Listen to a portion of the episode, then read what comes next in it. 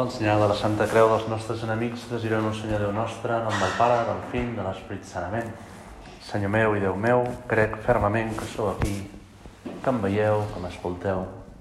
Us adoro amb profunda reverència, us demano perdó dels meus pecats i gràcia per fer en fruit aquesta estona d'oració. Mare meva Immaculada, Sant Josep, Pare i Senyor meu, àngel de la meva guarda, intercediu per mi.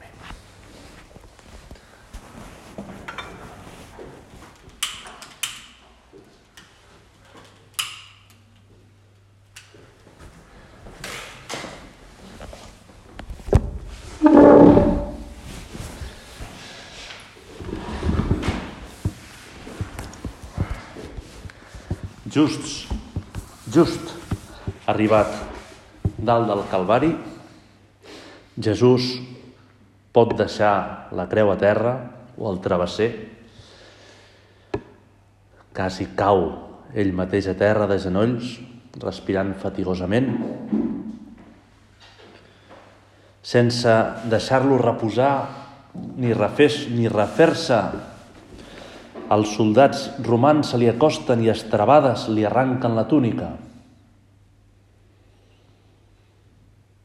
A vegades, quan m'imagino això d'arrencar la túnica, me'n recordo quan et treuen una tirita i, i se t'obre la ferida, perquè tota l'esquena de Jesús era com una gran ferida i la túnica s'havia enganxat entre la sang seca. Salten gotes de sang s'obren les crostres de les ferides, de les fuetades, regalima la sang per l'esquena. Els soldats ni se n'adonen. Els soldats estan indiferents.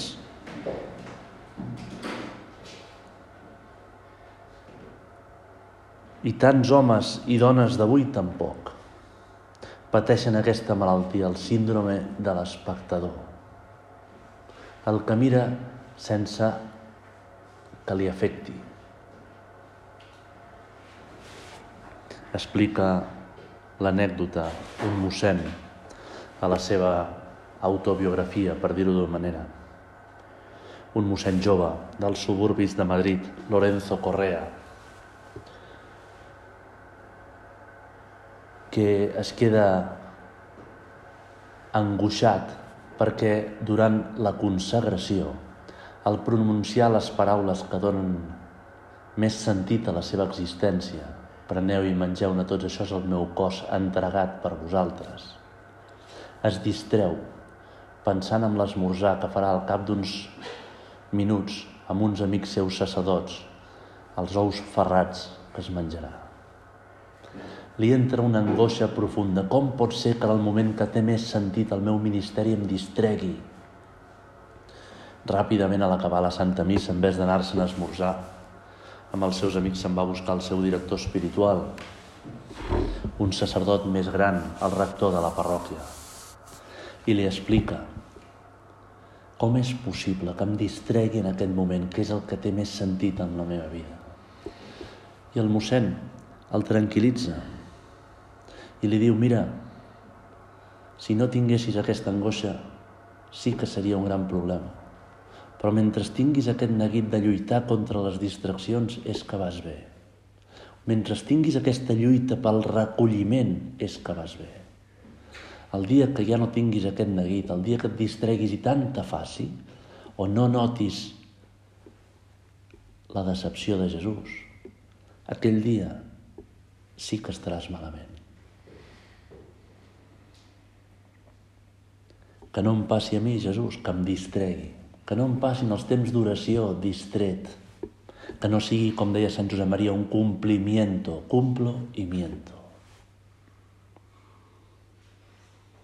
Els soldats no se n'adonen i en canvi l'impacte visual per Maria i per les santes dones que estaven allà, les més valentes, és brutal.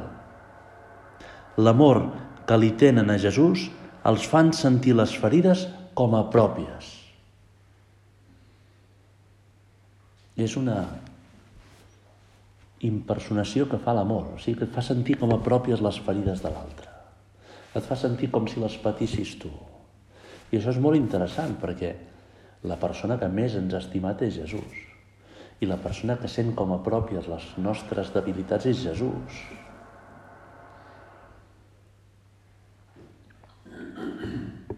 I nosaltres, que a vegades som indiferents al teu amor, Jesús, et podem mirar i et podem dir que t'estimem, que ens sap greu no commoure més davant de la creu, que em, que em sap greu no viure més profundament conscient del teu amor i que a vegades miro la creu com qui escolta l'aigua que passa que relagalima per damunt d'una roca. Un cor de pedra, una roca de pedra. Perdona'm, Jesús, que tantes vegades m'assemblo més als soldats que a les santes dones.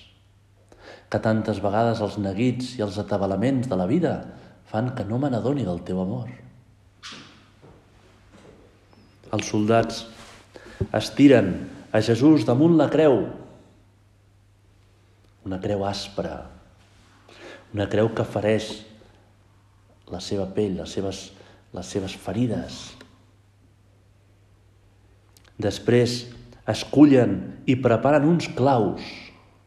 Ai, quins claus! Jesús, estirat a la creu, sent les mirades despectives dels qui l'envolten. Curiosos, indiferents, incapaços de fer seu el dolor de Jesús, a diferència de Maria i les santes dones. I també les mirades indiferents de tots aquells que al llarg del temps els seguiran aquest nombre incontable d'ànimes que Jesús desitja fer seves. Així ho explica Robert Benson, aquest sacerdot catòlic convers de l'anglicanisme, en el seu sermó de les set paraules. Jesús no sent només les mirades despectives dels que estan allà, dels soldats, dels indiferents, dels curiosos, també de tots aquells que vindran, de tota la humanitat, i que ell desitja fer seves. mentre claven a la creu, diu la primera paraula de les set que pronunciarà en el moment de la creu. Pare, perdona'ls perquè no saben el que fan. Pare, fixeu-vos que la missa també és un diàleg entre Déu Fill i Déu Pare. A la missa, Jesús i tots els cristians units a Jesús parlem amb Déu Pare. Parlem amb la nostra vida, amb la nostra existència, ens oferim a Déu. I no parla amb Déu Pare per condemnar els altres. Pare, que baixi foc del cel i els consumeixi tots, com havien dit Jaume i Joan. Pare, perdona'ls no és cristià condemnar. No és cristià posar els punts sobre les is. I hem d'anar molt en compte perquè es fica molt a dins del nostre cor un desig de venjança camuflat amb la justícia. Pare, perdona'ls perquè no saben el que fan. Demana perdó pels altres ens estima tant que s'identifica amb nosaltres i demana perdó per nosaltres perquè nosaltres no ho sabem fer o no ens n'adonem. Ofereix la seva vida pels que el crucifiquen. Això és la missa, oferir la seva vida. Pare, perdona'ls perquè no saben el que fan. I un es para i diu, com pot parlar Jesús així? Aquests sacerdots que estan allà davant, enrient-se'n d'ell, aquests fariseus, dirigents dels jueus, han buscat amb ràbia la manera d'acabar amb Jesús. Sembla que saben molt bé el que fan. Aquests soldats romans també, el menyspreu que tenen els jueus, el projecten, el focalitzen en Jesús. Jesús ha estat Tres anys de la seva vida pública servint a tots, ajudant a tots els que se li van acostar, curant malalts, predicant amb amor, servint, donant la seva vida. Ho ha donat tot. Inclús a les persones més rebutjades de la societat, les de la perifèria, els leprosos, els pobres, han trobat en ell consol i ajuda. Tot ho ha fet bé, diu l'Evangeli. I el condemnen, i el crucifiquen. Sembla que saben perfectament el que, el que fan, però no sabien que era el fill de Déu. No se n'adonaven que era el seu creador, que tenien entre les seves mans el Senyor, l'amo de la vida, el que els havia donat l'existència. I per això, per aquest filet d'ignorància, no sabien el que feien. I Jesús busca aquest filet per demanar perdó per ells. Pare, perdona'ls perquè no saben el que fan. És molt interessant això. Jo a la missa també estic per tots. Jo a la missa també estic per tots els altres, per tots els homes. Amb una caritat ordenada a la meva família, amb els meus amics, coneguts, però per tots. També aquests que no paren de tirar pedres contra l'Església. També contra aquests que semblen lladres i assassins. Igual que tu, Senyor, puc trobar algun fil per on agafar-me i demanar perdó per ells, perquè no saben el que fan. Jesús estima més enllà de lo imaginable. S'agafa aquesta ignorància per implorar el perdó de Déu.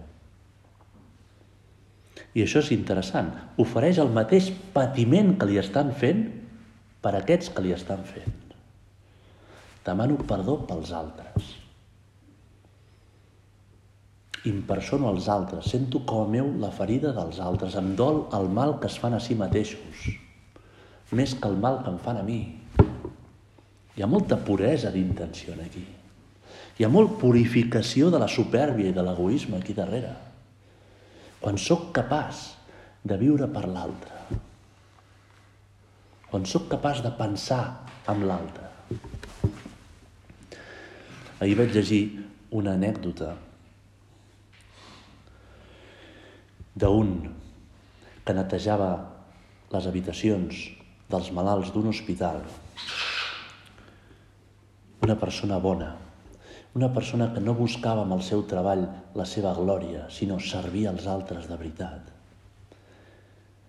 Es deia Lluc portava mesos netejant l'habitació d'una persona que havia quedat en coma. Sis mesos portava en coma i sempre estava el seu pare al costat del llit. I un dia que va entrar a netejar l'habitació d'aquest malalt, el seu pare havia sortit a fumar un cigarro.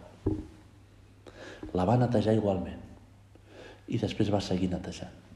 Al cap d'una estona, aquest pare va venir indignat per què avui no has netejat l'habitació del meu fill?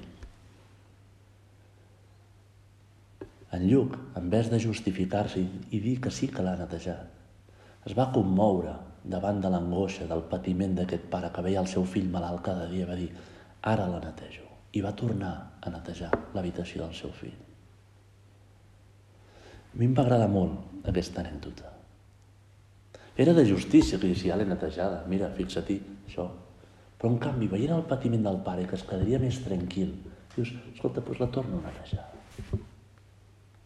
Ja no mira l'obra realitzada, sinó mira el bé de la persona a la que vol servir. És molt interessant, això. Molt fi. Molt de Jesús. Pare, perdona'ls perquè no saben el que fan. Fins on arriba l'amor quan està pur de tota soberbia de tot egoisme. Pocs anys més tard, el primer màrtir, Sant Esteve, repetirà aquest testimoni. Mentre la pedregaven, pregava per aquells que el mataven. Ells, diu l'Evangeli, cridant amb força, es van tapar les orelles i s'abraonaren tots alhora contra ell, el tragueren fora de la ciutat i començaren a pedregar-lo. Els testimonis havien deixat els seus mantells als peus d'un jove que es deia Saula. Mentre la pedregaven, Esteve pregava dient Jesús, Senyor, rep la meva vida. Després caigué de genolls i va cridar amb tota la força Senyor, no els tinguis en compte aquest pecat. I havent dit això, va morir. Quants cops ens podem trobar en la vida de família, en la feina, en el nostre dia a dia, que l'egoisme, la, la soberbia, la rigidesa no ens permeten tenir, tenir aquest cor pur amb els altres. Aquest estimar com Jesús estima. Que ens tanquem en el nostre subjectivisme, molt afectat per l'estat d'ànim, la vida parcial de les coses, a vegades jutjar la intenció. Tanquem la nostra afectivitat en el que nosaltres sentim. I a vegades inclús ens podem obcecar, ens podem focalitzar, obsessionar. Encongim la nostra capacitat de comprensió de l'altre. Compte amb aquest cor que tenim. Ens veiem llunyans, Jesús, del teu cor. Expliquen d'una senyora gran a la que el mossèn li recordava el costum de resar per les ànimes dels difunts al novembre, l'últim mes de l'any litúrgic. Hi ha aquest costum de resar pels difunts, per les beneïdes ànimes del purgatori, les beneïdes ànimes del purgatori, resar per elles, perquè puguin anar al cel. Elles ja no poden mereixer, nosaltres sí que podem mereixer per elles. Podem oferir sufragis. Potser aquest mossèn li, li, li recordava el costum que s'està perdent d'oferir misses, de, de buscar misses, exèquies per difunts, de dir, mossèn, 10 euros per una missa per aquest difunt. Fa anys veies les intencions de les misses de les parròquies i veies que totes estaven encomanades. Ara mires i no hi ha ningú que pagui una missa. El mossèn li recordava aquesta dona el costum de resar pels difunts. Era vídua. I el mossèn li va concretar, i vostè no resa pel seu marit difunt, per si està en el purgatori, que pugui anar al cel, els ulls de la dona es van encendre. Una mica i va dir, oh, que purgui, que purgui.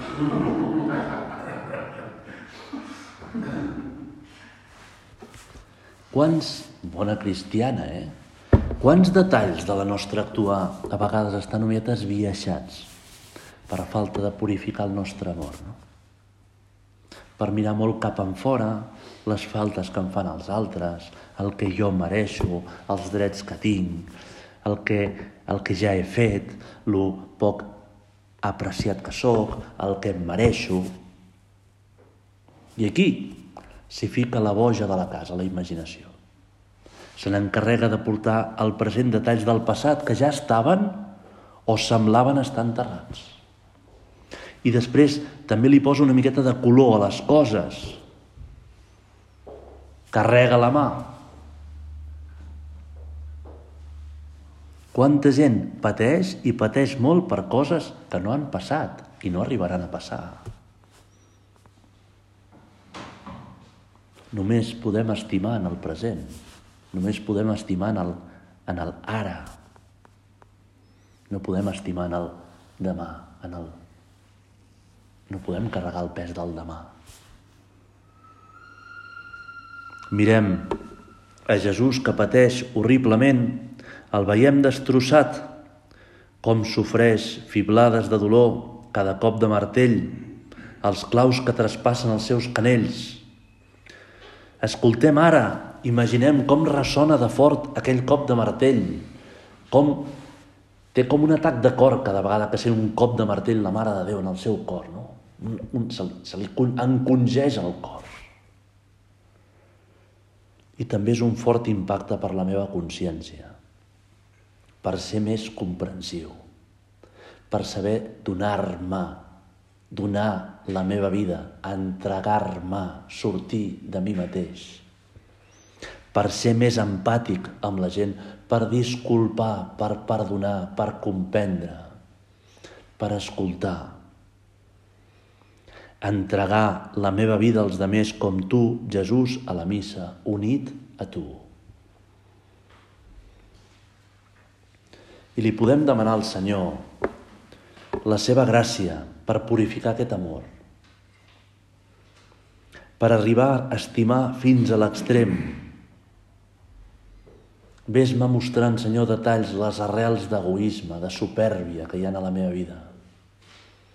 Que no em quedi indiferent que no vegi les martellades que claven els claus als teus canells, com la veien els soldats romans, que només miraven la perfecció de l'acció, el fer-la bé, el clavar-lo bé, sinó que senti el meu cor, el cop de martell, a la meva consciència. Haig de ser més comprensiu, haig d'estimar, haig de sentir en mi el que passen als altres, perdona'ls perquè no saben el que fan, Jesús, que en la seva providència ordinària governa totes les coses, em diu, a través d'aquestes adversitats, d'aquests moments de més cansament, d'aquestes èpoques de falta de sintonia a casa, o de distàncies, baixons d'ànim, tantes i tantes coses, fa créixer el meu amor i el purifica. Les crisis són moments de gràcia. Les crisis són habituals, són ordinàries. Són moments d'especial creixement. El foc, deien els primers autors cristians, destrueix els materials innobles i purifica els materials nobles. Purifica l'or. El fa més bo. El foc de les contrarietats purifica el nostre cor. Les crisis són moments de gràcia. Les adversitats són el camí ordinari per al que Déu ens acosta a ell. Purifica el nostre cor.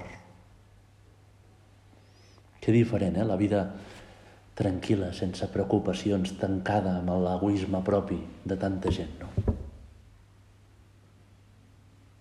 Cada cop de martell, malgrat el dolor, es converteix en una ocasió meravellosa de purificar el meu amor, d'estimar més purament, absolutament. La mentalitat moderna em diria, estàs boig si perdones i oblides. No pots suportar això. La ciència de la creu. Tu, Jesús, em dius el contrari, exactament el contrari. Aquesta creu et purificarà, et farà estimar molt millor, molt més. Endavant, no permetis que la temptació, l'engany, et donin excusa per tancar el cor, per maleir, per apartar l'altre de tu.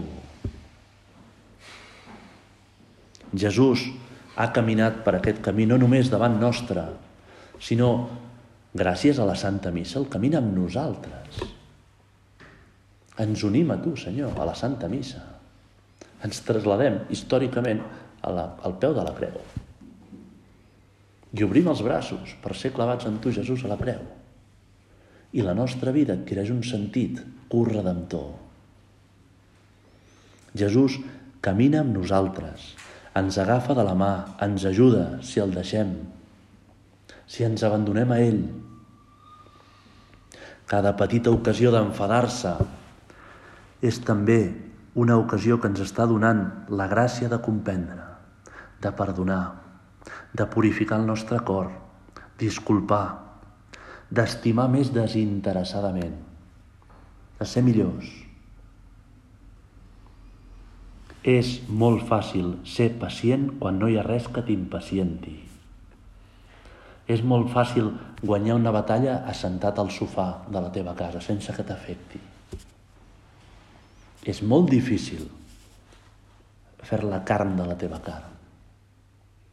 A vegades els hi passa sobretot a, a dones grans que han de cuidar la seva mare, porten la mare a casa, venen mossèn, em sento molt dolenta perquè tinc molta impaciència amb la meva mare.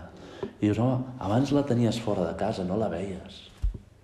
I ara que la tens a casa, eh, constantment t'està retant, constantment t'està demanant coses, t'està portant la contrària. Ara estàs tenint molta més paciència que abans. Abans no tenies paciència. Abans no tenies res, perquè no hi havia la teva mare a casa. Ara estàs tenint més paciència i més faltes d'impaciència, però t'estàs purificant. Estàs més a prop de Déu, estàs fent molt bé. És molt fàcil ser sant quan no hi ha res que et tempti. Però no ets sant, ets egoista. Això ho diu molt bé C.S. Lewis amb un paràgraf de Los Cuatro Amores. El llegiré. I amb això acabarem. Amar de cualquier manera es ser vulnerable. Basta que amemos algo para que nuestro corazón, con seguridad, se retuerza y posiblemente se rompa. Si uno quiere estar seguro de mantenerlo intacto, no debe dar su corazón a nadie, ni siquiera a un animal. Hay que rodearlo cuidadosamente de caprichos y de pequeños lujos. Evitar todo compromiso, guardarlo a buen recaudo bajo llave en el cofre o en el ataúd de nuestro egoísmo. Pero en ese cofre, seguro, oscuro, inmóvil, sin aire, cambiará. No se romperá, se volverá irrompible, impenetrable, irredimible. Jesús és tot el contrari. Es dona del tot. Pare, perdona'ls perquè no saben el que fan. Es dona fins a sentir com a pròpies les ofenses de l'altre. No em dolen les, els claus que traspassen el meu canell, apretant el nervi mediano que passa per aquí, que provoca uns dolors atrossos, no? que fa tenir la mà comprimida. Em dol més el mal que es fan totes les ànimes que m'estan ferint, totes les ànimes que no m'estimen. Això és l'amor. I nosaltres li demanem a Jesús un cor capaç d'estimar així, que amb l'ajuda de la Mare de Déu arribem a buidar-nos de nosaltres mateixos, a estimar així, que ho redimir amb Jesús així.